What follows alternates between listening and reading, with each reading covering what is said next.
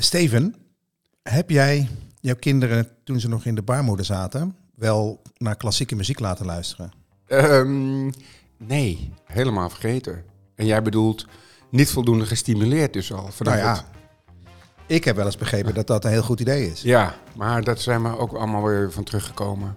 Dus eh, het blijkt allemaal apenkool te zijn. Moet techno zijn. Ja, en eh sommetjes. Oké, nou we gaan het hebben over stimuleren. Want we willen allemaal van onze kinderen eh, het mooiste project maken wat we ooit gedaan hebben in het leven. Eh, dus gaan we ze van alles aanreiken en dat heet stimuleren. Zo is het. En de vraag aan jou is dan natuurlijk, Martijn. Heb je daar nog een quote bij gevonden? Ja, en ik heb een quote gevonden van Albert Einstein. En dat is natuurlijk vooral ook bedoeld om die intelligentie ook een beetje op mij te laten afstralen. Heel goed. Ehm, maar de quote luidt: Als je wilt dat je kinderen intelligent zijn, lees ze dan sprookjes voor. En als je wilt dat ze briljant zijn, lees ze dan nog meer sprookjes voor. Oké. Vind je daarvan? Ja, apenkool. Wederom. Oh ja. Want hij zegt alleen maar dus meer van hetzelfde. Ja, ik heb hem om die reden ook een beetje uitgekozen. Want bij Einstein denken we natuurlijk al gauw van, nou, er zit een pijloze diepte in. Maar ehm, Hier niet. ik vind dit een beetje, een beetje onzin. En je hebt natuurlijk ontzettend veel adviezen. We begonnen er net ook mee. Eh, van wat je allemaal moet doen Ja. met je kinderen. Ja. eh, om ze verder te brengen. Ja. En ik vind dit ook een beetje in de categorie eh apenkool. Apenkool. Je luistert naar de 018 Bennis en Pondcast. De podcast over de ontwikkeling van kinderen tussen de 0 en 18 jaar. De podcast wordt gepresenteerd door twee vaders. Steven Pont, ontwikkelingspsycholoog en systeemtherapeut, oprichter van het internetplatform 018. En voormalig journalist Martijn Bennis, tegenwoordig directeur van het ANP.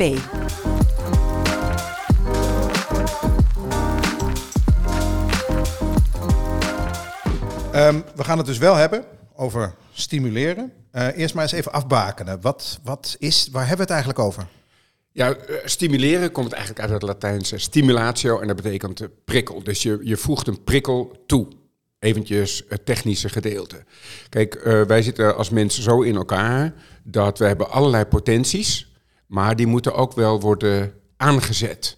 Dus die moeten worden gestimuleerd. Dat noemen we ook wel epigenese. Dus je hebt een ze- zekere genetische eh, opbouw natuurlijk.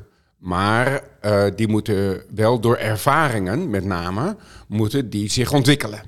Moeten die groeien, ontwikkelen, rijpen. Eh, we hebben het al eerder gehad over het verschil daartussen. Daar komen we misschien nog op, eh, op terug. En eh, dat gaat niet automatisch. Dus je moet ervaringen opdoen om, je te, hè, om vooruit te komen. Nou, en, en die ervaringen die stimuleren dat proces. En Als ik dit hoor, dan denk ik, hadden we toch een ander woord voor? Gewoon opvoeden? Of is het echt iets anders? Ja, ik denk dat dat heel goed gezien is van je. Dat ze eigenlijk een, de, de, concretisering van opvoeden is het stimuleren van onze kinderen om hun potentie eh, waar te kunnen maken. Maar wat is het dan? Wat zit er nog meer in opvoeden wat jij niet on- in de categorie stimuleren zou? eh, Nou, ehm, corrigeren misschien, hoewel je dan ook eh, iets stimuleert. Kijk, stimuleren, we hebben daar altijd een positief gevoel bij, van dat moet je stimuleren. En we vergeten wel eens dat ook negatief gedrag is uiteindelijk gestimuleerd. En ook negatief gedrag is ergens een prikkel geweest, waardoor dat zich heeft gevormd. En dat kan ook weer een genetisch verhaal zijn. Maar dus eh, stimuleren is eigenlijk heel erg breed. En eigenlijk net zo breed als opvoeding zelf. Stimuleren klink- klinkt mij als, een, als het zeg maar, heel actieve, bewuste gedeelte van, van de opvoeding. Ik ga dingen aanreiken. Ja. Ik ga die prikkels geven. Ja. Ja, Kun je ja, wat nog voorbeelden? Wat, wat, wat, waar heb je het dan over als je het gaat? Want ik, ik kan me voorstellen dat je op allerlei terreinen Zeker. prikkels, hè, dus eh, misschien zelfs wel lichamelijk gezond worden of zo, hè, dus eh, eh, veel groente eten, tot aan spirituele ontwikkelingen. Dus Ja. wat kun je allemaal, wat denk je aan als je het hebt over stimuleren? Nou, eigenlijk is heel veel dingen die wij doen, die werken stimulerend. Hè? Dus als je gaat kijken naar voorlezen, dan werkt dat stimulerend omdat je dan eerder in teksten geïnteresseerd raakt. Je wordt er taliger door. Dus dat zien we ook wel bij eh, kinderen die weinig worden voorgelezen. De taalontwikkeling, dat die eh, minder eh, goed verloopt. Dus dat voorlezen, dat vind je hartstikke leuk misschien. Hè? En tegelijkertijd stimuleert het ook. En in de puberleeftijd, dan stimuleert het als een puber ziet hoe jij bepaalde problemen oplost. Hè? Dus die kijkt eerder het een beetje af via modeling, hè, waar we het over hadden, hebben gehad. Van hey, hoe doe jij dat dan? Nou, en dan kijken ze dat af en dat stimuleert ook. Dus het is bijna niet mogelijk om niet te stimuleren. Ja, maar je put dus als ouder uit de bron die je zelf hebt eh, ontwikkeld of zelf hebt meegekregen, eh, zullen we zeggen. Ja. Als het gaat om wat ga je dan, eh, dan stimuleren. Maar wat kun je dan de ouders nadenkend over stimuleren? Hè? Wat, wat kun je ze aanreiken hè, om van, vanuit onze podcast hen te stimuleren, eh, hun kinderen te stimuleren? Of wordt het nu te vaag wat ik zeg? Zoals ik er naar kijk, is je hebt eigenlijk drie posities ten opzichte van je kind. Je kunt ervoor lopen, je kunt ernaast lopen en je kunt erachter lopen. En je loopt ervoor op het moment dat je, het echt dat je je kind echt gaat stimuleren om iets te doen. Om iets aan te reiken of eh, om iets aan te zetten. En gedurende ontwikkeling eh, loop je ernaast. En dan hoop je dat jouw st- stimulering is een soort startmotortje van de hoofdmotor dat in je kind zit. Dus nog eventjes, je gaat voorlezen en dan hoop je ergens dat een kind uiteindelijk het lezen leuk gaat vinden. En dan loop je ernaast en uiteindelijk eh, loop je erachter. En dan stop je dus met stimulering en dan hoop je dat de hoofdmotor zonder jouw extra impulsen eh, gewoon doorloopt. En dan kan je weer iets anders eh, bij B pakken, bijna. Zo werkt dat niet helemaal. Maar, en, dan, en dan loop je weer ervoor, dan loop je ernaast en dan loop je erachter. Dus de, bij stimulering eh, komt er eigenlijk de energie vooral bij jou vandaan. Nou, en daarna verdeel je hem en uiteindelijk hoop je dat je kind die energie volledig eh, heeft aangezet zelf. Bijvoorbeeld een beetje netjes eten, ik zeg maar iets. Hè, dus daar zijn wij eerst, stimuleren we dat heel erg. Maar met een beetje geluk hoeven we dat niet op 16-jarige leeftijd nog steeds te stimuleren. Omdat we er dan gewoon achter kunnen lopen. Omdat eh, een kind dat heeft geïnternaliseerd, hè, dus van zichzelf gemaakt. Nou, en dan is die ontwikkelingstaak, een beetje netjes eten, is toch wel prettig. Die is dan volbracht. Nou, en dan kun je naar de, heb je weer, wat andere dingen. Maar zijn er dan een aantal terreinen waarvan je zegt, ja, daar moet je in ieder geval aan denken als je Ja. het hebt over stimuleren? Ja, nou je moet een beetje het einddoel volgens mij in de gaten houden. Er is een onderzoeker, die heet Carol Dweck. En dat vind ik een heel mooi voorbeeld van wat je eigenlijk stimuleert. En die nam twee groepen. En eh, ze nam eh, kinderen uit die groep apart, uit elk van die twee groepen. En die liet ze allerlei testjes doen, cognitieve testjes, dus soort IQ-testje-achtige dingen. En na 50 minuten, ze hadden een uur, zei ze tegen eh, die kinderen... Och jeetje, we hebben nog maar 10 minuten, maar ik heb nog twee testjes. Een moeilijk testje en een makkelijk testje. Bij die eerste groep zei ze steeds dingen als, hè, in het kader van wat stimuleer ik eigenlijk, zei ze, jeetje, weer een 9. Of bij het volgende testje, foutloos. Of bij het volgende testje, nou, niemand doet dit testje zo goed als jij. En dan was het na 50 minuten, zei ze, och jeetje, we hebben nog maar 10 minuten. Ik heb nog een makkelijk testje en een moeilijk testje. En die kinderen zeiden vaak, vaker, doe mij maar het makkelijke testje. Waarom? Omdat ze gestimuleerd werden in dat ze een 9 of een 10 moesten halen. En dat die kans is groter. Daar voelden ze de waardering. Die kans is groter als je een makkelijk testje kiest. Bij die tweede groep deed ze het anders. Principe is hetzelfde, alleen haar stimulatie was anders. Dus die kinderen waren dit testjes aan het doen en zeiden ze... Weet je, ik zag je net dat testje doen en ik zag dat je het even moeilijk had, hè? En toch zag ik dat je jezelf hernam en doorzette. En 50 jaar, 50 jaar, 50 minuten lang is dat haar taal. Is dit haar stimulering dus niet in het product, maar in het proces. In de weg daarnaartoe. Na 50 minuten zegt ze, och jeetje, ik heb me vergist. We hebben nog twee testjes. Kies maar weer het moeilijke testje of het makkelijke testje. En deze kinderen kiezen eerder het moeilijke testje. Omdat ze gestimuleerd zijn op doorzettingsvermogen, op al dat soort dingen. Nou, daar hebben we veel van, van geleerd in de ontwikkelingspsychologie. Dus Carol Dweck is echt wel een grootheid in de ontwikkelingspsychologie daarmee geworden. En ehm, dus bijvoorbeeld als je kind, eh, die komt met een tekening. En dan kan je zeggen, wat een mooie tekening. En dus dan, dan stimuleer je op het product. Maar je kan ook zeggen, weet je, ik sta zo naar te kijken... en je hebt een half uur gewoon, was je helemaal met die tekening bezig. Is dat ook wat je tegen de ouders zegt?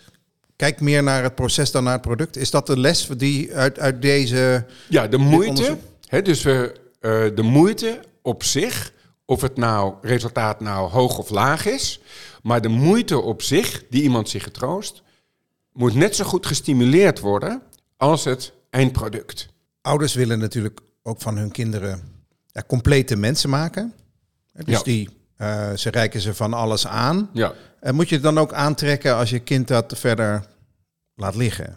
Nee, kijk, ehm meeste kinderen eh, hebben een soort drive. En die raak je in de puberteit misschien een beetje kwijt. Althans, op het schoolse leren, dan ligt die weer ergens anders. Maar ehm, in die hele ontwikkeling, en dat noemen we de zone van naastgelegen ontwikkeling. ehm, dus je hebt een gebied waarin je je veilig voelt, maar daar kan je alles al. En daarbuiten ligt een gebied wat je, waar je nog, wat je nog niet kan en wat misschien wel bedreigend voor je is. En als je daar een ervaring in opdoet, hè, want stimulering gaat natuurlijk heel over, erg over het opdoen van ervaringen. Als je in dat, in dat enge gebied, wat buiten je comfortzone ligt, om het zo maar even modern te zeggen, dan wil je alleen maar zo, zo snel mogelijk terug. Maar er is een, eh, een, een, een Russische psycholoog geweest, die heet Lev Vygotsky. En die heeft het over de zone van naastgelegen ontwikkeling. En dat is het, het schilletje dat net buiten het gebied ligt waar je je veilig in voelt. Dus dan is dat daarmee niet gevaarlijk, maar zou je kunnen meer zeggen meer uitdagend. Dus als het te ver van je comfort ligt, dan wordt het gevaarlijk. Maar ligt het er net buiten, dan wordt het spannend. En het aardige is dat als we de kinderen daar dus stimuleren om daar veel ervaringen op te doen, dan wordt dat gebied uiteindelijk ook comfortabel. Dus je comfortabele gebied wordt daarmee een schilletje groter. En er is er dus een nieuw schilletje weer daaromheen, waarin je dan weer nieuwe ervaringen eh, op kan doen. En zo dus stapje voor stapje en plakje voor plakje. En Lev Vygotsky, die zei, dat is een sociaal proces. Dus je kunt eigenlijk op twee manieren naar kinderen kijken. Namelijk, het zijn een soort jonge onderzoekers, die gaan het leven in en die vinden allerlei dingen uit van zichzelf. En Vygotsky, een communist, dus die, daar, daar, was de commune, dus de sociale omgeving veel belangrijker. En die zei, ja, dat is een onderschatting van wat leren is. Leren is een sociaal proces. En wij moeten dus, wat ik net zei, loop je ervoor, loop je ernaast, loop je erachter, eh, moeten we begeleiden. Dus we kunnen er niet van op aan, alleen maar van op aan van nou, een kind gaat de wereld in en onderzoekt de wereld. Het is, het is samen met ons. En dat vind ik er heel erg mooi aan. En dat klopt wat mij betreft ook. En dat ons, hè, dus je, we, we denken natuurlijk heel gauw aan de ouders, maar in dit Ja. geval lijkt mij, eh, it takes a village. Hè, dus eh, we, eh, dat het de hele omgeving is die Zeker. Al dan niet stimulerend is. Of, eh, Ja, dus al die leerprocessen waar we het over gehad hebben, dat, daarvan zijn een heleboel natuurlijk sociale eh, processen. Dus leren is echt dat sociale proces. En, en waar je op gestimuleerd wordt, ja, dat kan je werkelijk eh, veranderen. Maar zowel, nogmaals, je kunt ook gestimuleerd weer worden om dingen niet meer te proberen. En daarom is het van belang dat kinderen die moeten leren, leren is falen. Alleen je faalt steeds minder. Dat is eigenlijk, leren is steeds minder falen, zou je kunnen zeggen. Maar het falen hoort bij het leren. Dus als je voelt van ik word gestimuleerd, maar mijn vergissingen en mijn fouten, die worden eh, steeds afgestraft omdat er alleen maar eigenlijk op het eindproduct wordt gestuurd. Maar, maar ook het hele proces van het gaat steeds beter, je maakt steeds minder fouten. Dat werkt als een soort vliegwiel voor het kind, een soort brandstof voor een kind om de kleine overwinningen ook te vieren. En niet pas als het einddoel eh, er helemaal is. Heb jij in jouw praktijk eh, wel eens eh, kinderen van je zegt, die, die zijn eigenlijk gewoon heel arm gestimuleerd? Ja, die zijn vaak heel rijk gestimuleerd. Alleen een richting op, dat bedoelde ik net, hè, van we moeten begrijpen dat alle gedrag is gestimuleerd. Dus Uh, eh, negatief gestimuleerd. Nieuw, ja, dus die, die zijn. eh, maar ergens is dat hele ingewikkeld gedrag is ergens aangezet. Dus het is wel degelijk via een stimulus begonnen. Vandaar, dus de stimulus is die prikkel. Nou, de vraag is, wat was die prikkel? En waarom is dat gedrag dat we nu zien, of de ontwikkeling die we nu zien, eigenlijk, eigenlijk logisch ten opzichte van datgene wat er gebeurd is? Waarom is het veilig om het op die manier te blijven doen? En dat is soms een gebrek aan een alternatief. Dus ik weet tenminste dat als ik dit doe, dan weet ik wat er gebeurt. En een deel van de begeleiding, en daardoor ga je er in het begin voorlopen. Hè, dus als je het wil bijsturen, dan kan je niet beginnen door er alleen maar achter te lopen. Dat is het eindpunt. Maar dan neem je echt zo'n jongen of zo'n meisje bij de hand en zorg je ervoor dat het veilig is. En het gaat in stimulering niet om de snelheid, maar om de juistheid van de richting. Dus heel snel stimuleren, dat is, ja, kan. Maar wat belangrijker is, van hey, dit is inderdaad richting het einddoel. Het gaat traag Eh, maar de volgende zone van die naastgelegen ontwikkeling, hè, dat volgende schilletje, is precies in de richting ehm, die wel uitdagend is. Dus hoe kan je een ruzie anders oplossen bijvoorbeeld? Het hoeft niet meteen goed te gaan, maar wat zou een eerste stapje zijn? Als je dat eerste stapje al ziet, dan is dat al iets om bij stil te staan van we zijn nog niet aan het eind, maar we zijn wel in de goede richting bezig. Het komt mij een beetje over alsof je een soort programmeur bent. En dus je, dus stopt er allerlei regels, eh, nou niet regels, maar Ja. je stopt er prikkels in. En daar komt dan iets uit. En Ja. dat kan positief zijn, negatief kan in de goede richting zijn. Mhm. Terwijl in de, de opvoeding wordt natuurlijk echt door, door niemand zo beleefd. Ook de ouders, die, die, die gaan niet programmeren. Nou, dat denken ze misschien niet. Maar bijvoorbeeld, over, om dat voorleesvoorbeeld even eh, weer terug te halen. Dat gebeurt wel de hele dag eh, door. Dus het gebeurt misschien niet zo bewust. En begrijp me goed verkeerd. Begrijp me goed verkeerd. Begrijpen we gewoon goed. Begrijp me goed. Dus er is een optimal level of stimulation. En wat daarmee wordt bedoeld, is een optimaal niveau van stimulatie. Dat, en dat zien we wel bij, bij de helikopterouders. Hè. Dus dat zijn ouders die overstimuleren. En als je, alles wat je overstimuleert, daar haal je eigenlijk allerlei ontwikkelingen voor het kind zelf mee weg. Omdat je er te lang voor blijft lopen. Dus een kind kan zelf al iets. Je kunt er al naast lopen, je kunt er misschien zelfs al achterlopen. Nee, maar ik breng je nog steeds naar school. Of ik smeer nog steeds je brood, al ben je 11 of 12 of 13 jaar oud. Dus dan, of al die dingen die die helikopter of die de Dus curling je blijft maar aanreiken, is dat? Is dat Ja. wat je zegt? Of blijf je dus maar die blijft overstimuleren. Ja. En daarom is dat is niet optimaal. Want daarmee eh, je kind helpen is niet hetzelfde als je kind steunen. Te veel hulp eh, stagneert ontwikkeling.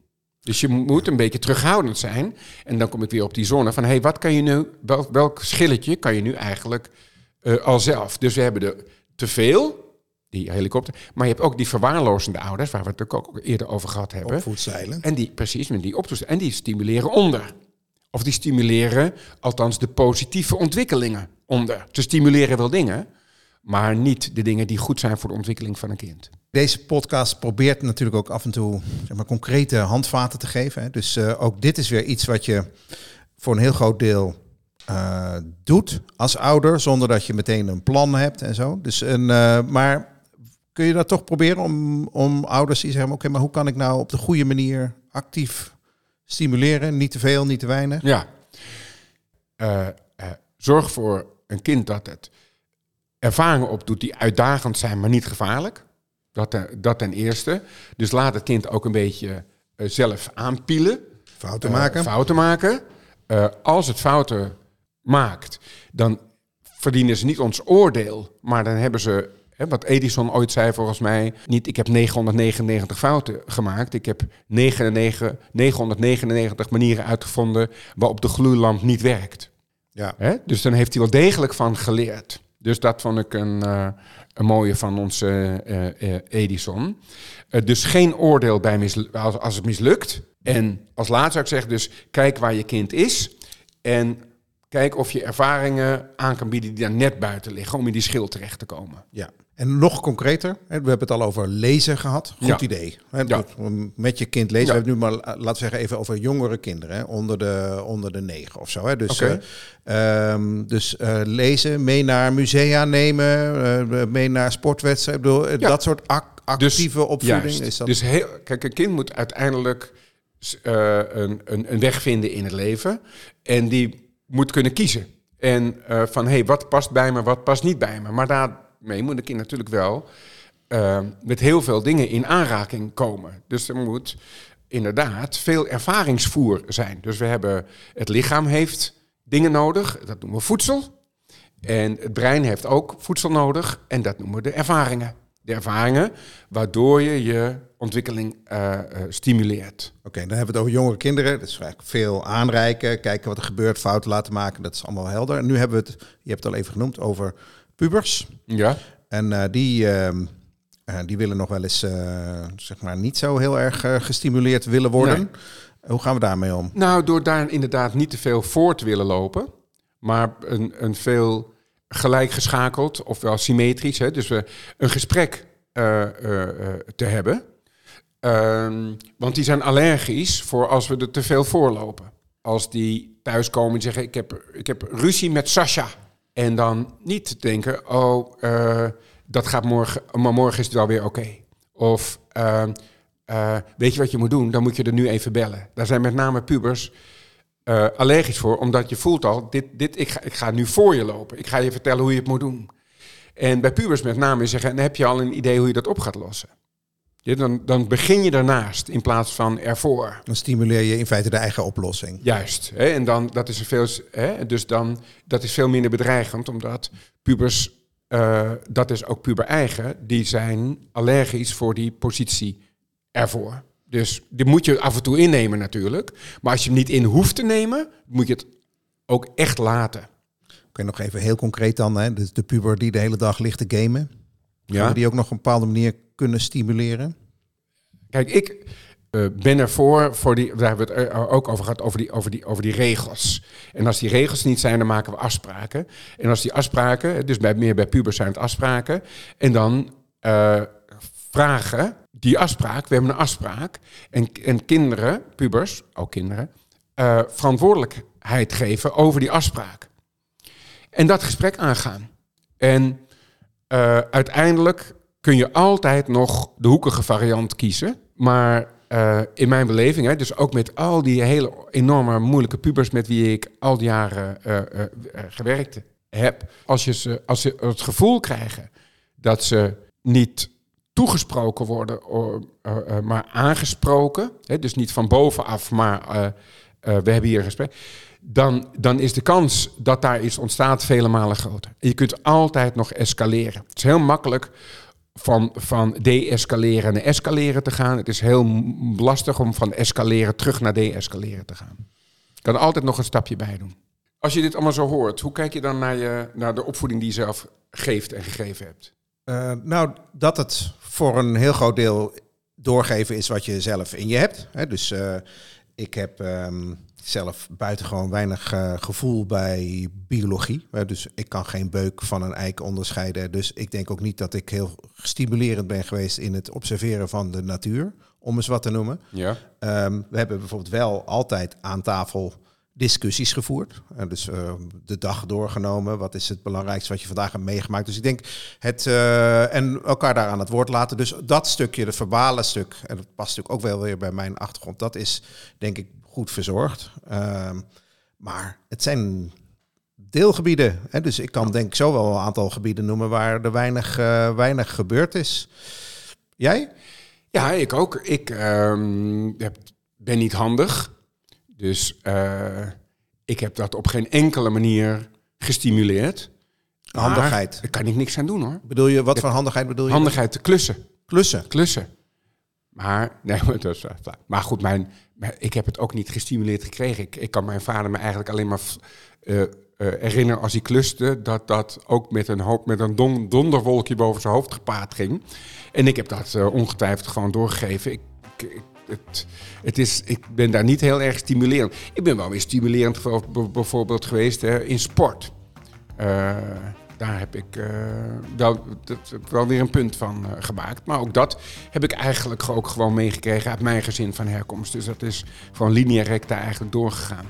Dus kortom, elke fase verdient zijn eigen vorm van stimulering en steeds iets anders aanbieden. Dus niet de hele tijd dezelfde sprookjes of andere sprookjes. dus so much voor onze vriend Einstein. En zo is het. Je hebt geluisterd naar de 018 Bennis en Podcast. Heb je vragen of suggesties? Mail dan naar podcast.018.nl 018 schrijf je als NUL en dan het getal 18.